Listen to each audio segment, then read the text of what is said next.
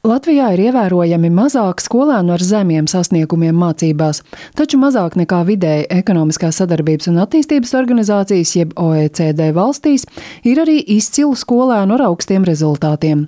Tas gan nenozīmējot, ka skolēnu zināšanas ir viduvējas.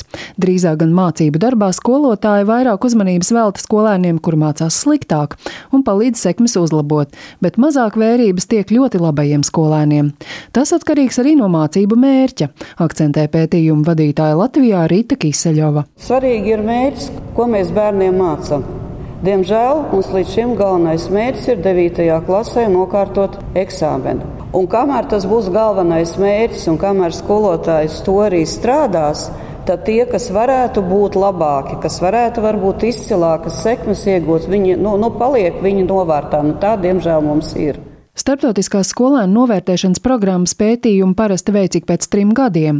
Iepriekšējais izvērtējums notika 2018. gadā, taču Covid pandēmijas dēļ nākamais sekoja tikai 2022. nevis 2021. kā bija paredzēts iepriekš. Visticamāk, ar pandēmiju saistīto ierobežojumu un attālināto mācību dēļ vidējie rādītāji trīs galvenajos parametros - zināšanās matemātikā, lasīt prasmē un dabas zinībās - ir radikāli pasliktinājušies. Latvijā savukārt uzlabojies skolēnu sniegums dabas zinātnēs. 2018. gadā tas bija tāds pats kā ekonomiskās sadarbības un attīstības organizācijas valstīs vidēji, bet jaunākajā pētījumā redzams, ka tas paaugstinājies virs vidējā līmeņa.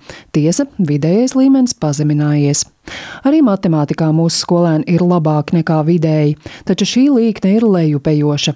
Vidējā Latvijas skolēnu kompetence matemātikā ir samazinājusies. Situācija pasliktinājusies arī lasīt prasmes ziņā. Tur mūsu bērni netiek pāri vidējam līmenim OECD valstīs. Arī citos pētījumos atklājies šis trūkums, kas būtiski ietekmē spēju uztvert gandrīz jebkura cita mācību priekšmeta saturu. Dažus no pasākumiem, kas paredzēti lasīt prasmes uzlabošanai, uzskaita izglītības un zinātnes ministre Ande Čakša no jaunās vienotības. Šodien rīt mums ir sarunas kopā ar Kultūras ministriju un eh, Latvijas Nacionālo biblioteku, kur ir projekts attiecībā uz Latvijas prasmes veicināšanu. Eh, tad mēs runājam par materiālu vecākiem, jo principā lasīt prasmes stāsts sākas no pirmskolas ar pasaku lasīšanu eh, bērniem jau mājās. Un vienā ziņā tas ir sabiedrības lasīšanas ieraduma nu, atjaunošana gribētu teikt, daļ, daļā sabiedrības, bet arī pamācīt vai, pamācīt vai iedot tādas vadlīnijas, kā, kādā veidā vecāki mājās var uzlabot šo lasīt prasmi. Lasīt prasmes ziņā mūsu skolēni atpaliek no vienaudžiem Lietuvā un ir ļoti tālu iepakaļ arī skolēniem Igaunijā. Mūsu ziemeļu kaimiņi visos trīs galvenajos parametros ir stipri priekšā gan Latvijai, gan Lietuvai, un atrodas 81 valsts saraksta augšgalā, apsteidzot daudzas citas ne tikai Eiropas, bet pat pasaules mērogā.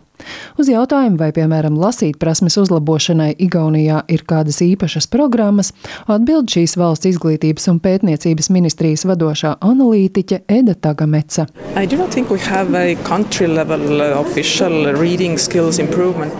Nedomāju, ka mums ir kas līdzīgs oficiālai valsts līmeņa lasītprasmes programmai, bet, protams, skolotāji redzot rezultātus izdara secinājumus.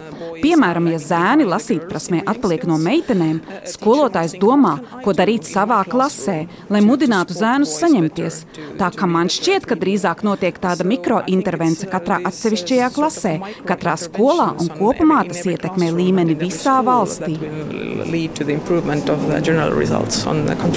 Pētījumā Latvija tomēr nav saraksta lejas galā. Piemēram, matemātikas sekmju ziņā atrodamies līdzās tādām valstīm kā Lielbritānija, Polija, Slovenija un Somija. Tiesa Somijai, kuras izglītības sistēma bieži min kā piemēru, šajā pētījumā konstatēts ievērojams skolēnu snieguma pazeminājums. Gan tur, gan daudzās citās Eiropas valstīs pētījuma rezultāti izraisījuši plašu rezonanci, jo rādītāji daudz viet ir tik zemi kā nekad agrāk. Zana Eniņa, Latvijas radio.